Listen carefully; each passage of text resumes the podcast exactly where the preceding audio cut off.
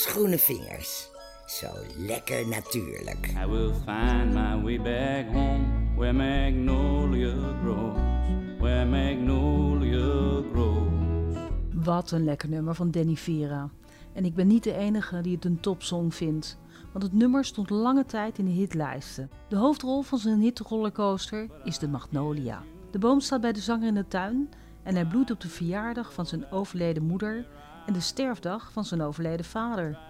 Ik ben echt dol op die uitbundige bloemen. En als die dan is uitgebloeid, dan zie je zo'n heel bloemblad bladerendek op de grond liggen. Prachtig.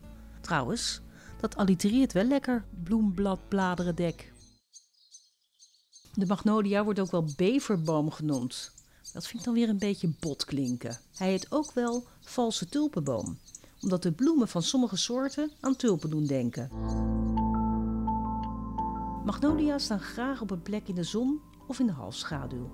En het liefst een beetje beschut. Dat helpt om vorstschade te voorkomen aan de bloemen.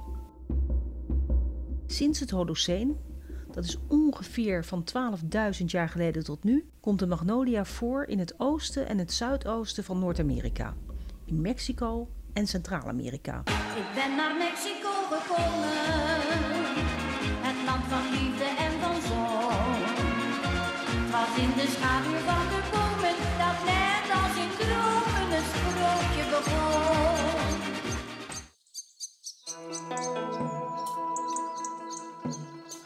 Het zwaartepunt van de moderne verspreiding ligt in China, Indochina en Maleisië.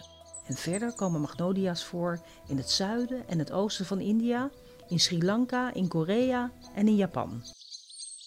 Hoe herken je nou de magnolia? Nou, het is een robuuste boom met een rechte zwart-grijze stam. Magnolia's zijn bomen die heel langzaam groeien. Ze groeien een beetje in een soort piramideachtige vorm.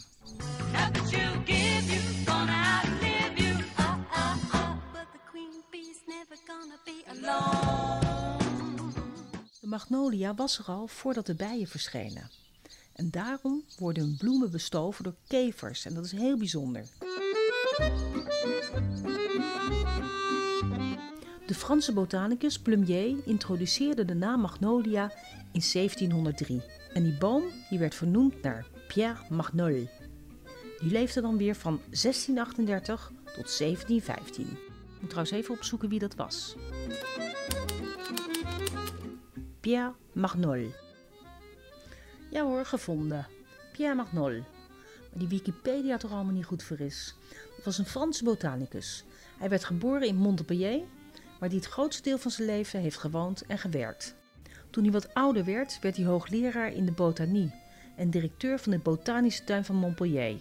Hij was de eerste die het concept van plantenfamilies zoals we het nu kennen, heeft gepubliceerd.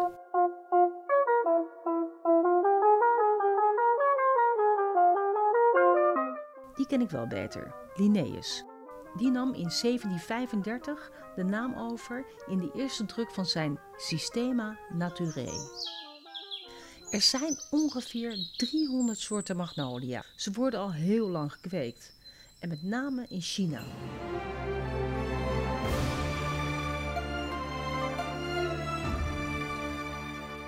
Daar wordt de Magnolia denudata al sinds de Chang-dynastie, dat is van 618 tot 907, als sierplant bij tempels gekweekt. De Magnolia was ook veel te vinden in keizerlijke tuinen. De Magnolia officinalis wordt in China Haopu of Haopo genoemd. In China werd hij niet alleen vanwege zijn schoonheid gekweekt, maar ook vanwege de schors.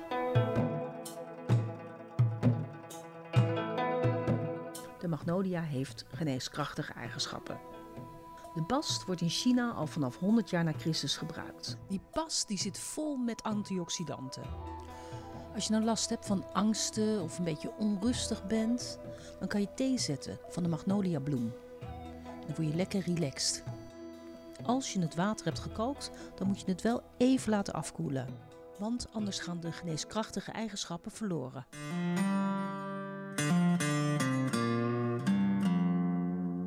eerste magnolia die als sierplant in Europa werd ingevoerd, kwam uit Noord-Amerika. Magnolia, you're sleeping. You me. Die magnolia, die heeft toch voor heel wat mooie liedjes gezorgd. Deze is van J.J. Kill.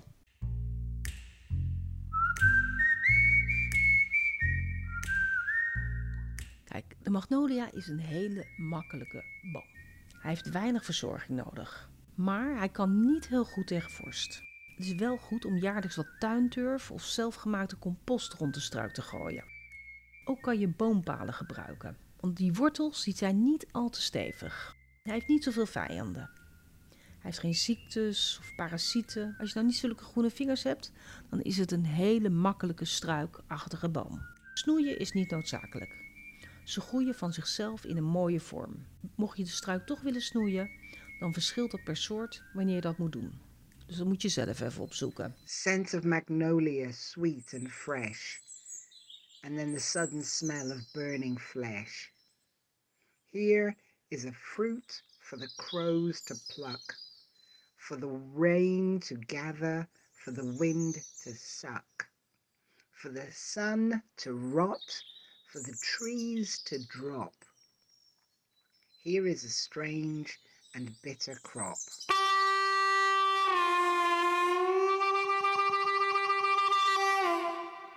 Dit is een deel van de tekst Strange Fruit. Lewis Allen schreef het in de jaren 30 van de vorige eeuw. En later zong Billie Holiday het. Het lied is een aanklacht tegen Amerikaans racisme en in het bijzonder het lynchen van Afro-Amerikanen. Ze deden dat vooral in het zuiden van de Verenigde Staten. Strange Fruit heette oorspronkelijk Bitterfruit. En werd geschreven door een onderwijzer uit de Bronx, Abel Mirapol. Zijn pseudoniem was Lewis Allen. De tekst verscheen in januari 1937 in de New York Teacher. En het gaat over lynchpartijen zoals die geregeld voorkwamen in het zuiden van de Verenigde Staten. Thomas Ship en Abram Smith hangen in de bomen als vreemdsoortige vruchten. Je maag draait om als je de foto ziet. Die twee gelynchte Afro-Amerikanen hangen daar aan de boom. En daaronder staat een grote groep blanken. Sommigen lachen en anderen wijzen. Het gedicht werd vooral beroemd omdat het niet alleen een treffend fel protest is, maar de tekst met al zijn zeggingskracht ook eenvoudig is en daardoor onmiddellijk aansloeg bij een heel breed publiek. Zoals ik al zei, Billie Holiday maakte het nog beroemder in 1939 met haar bewerking van Strange Fruit. Southern trees bear strange fruit, blood on the leaves and blood at the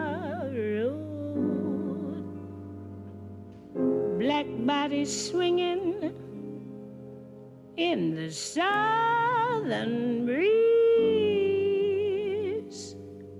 the.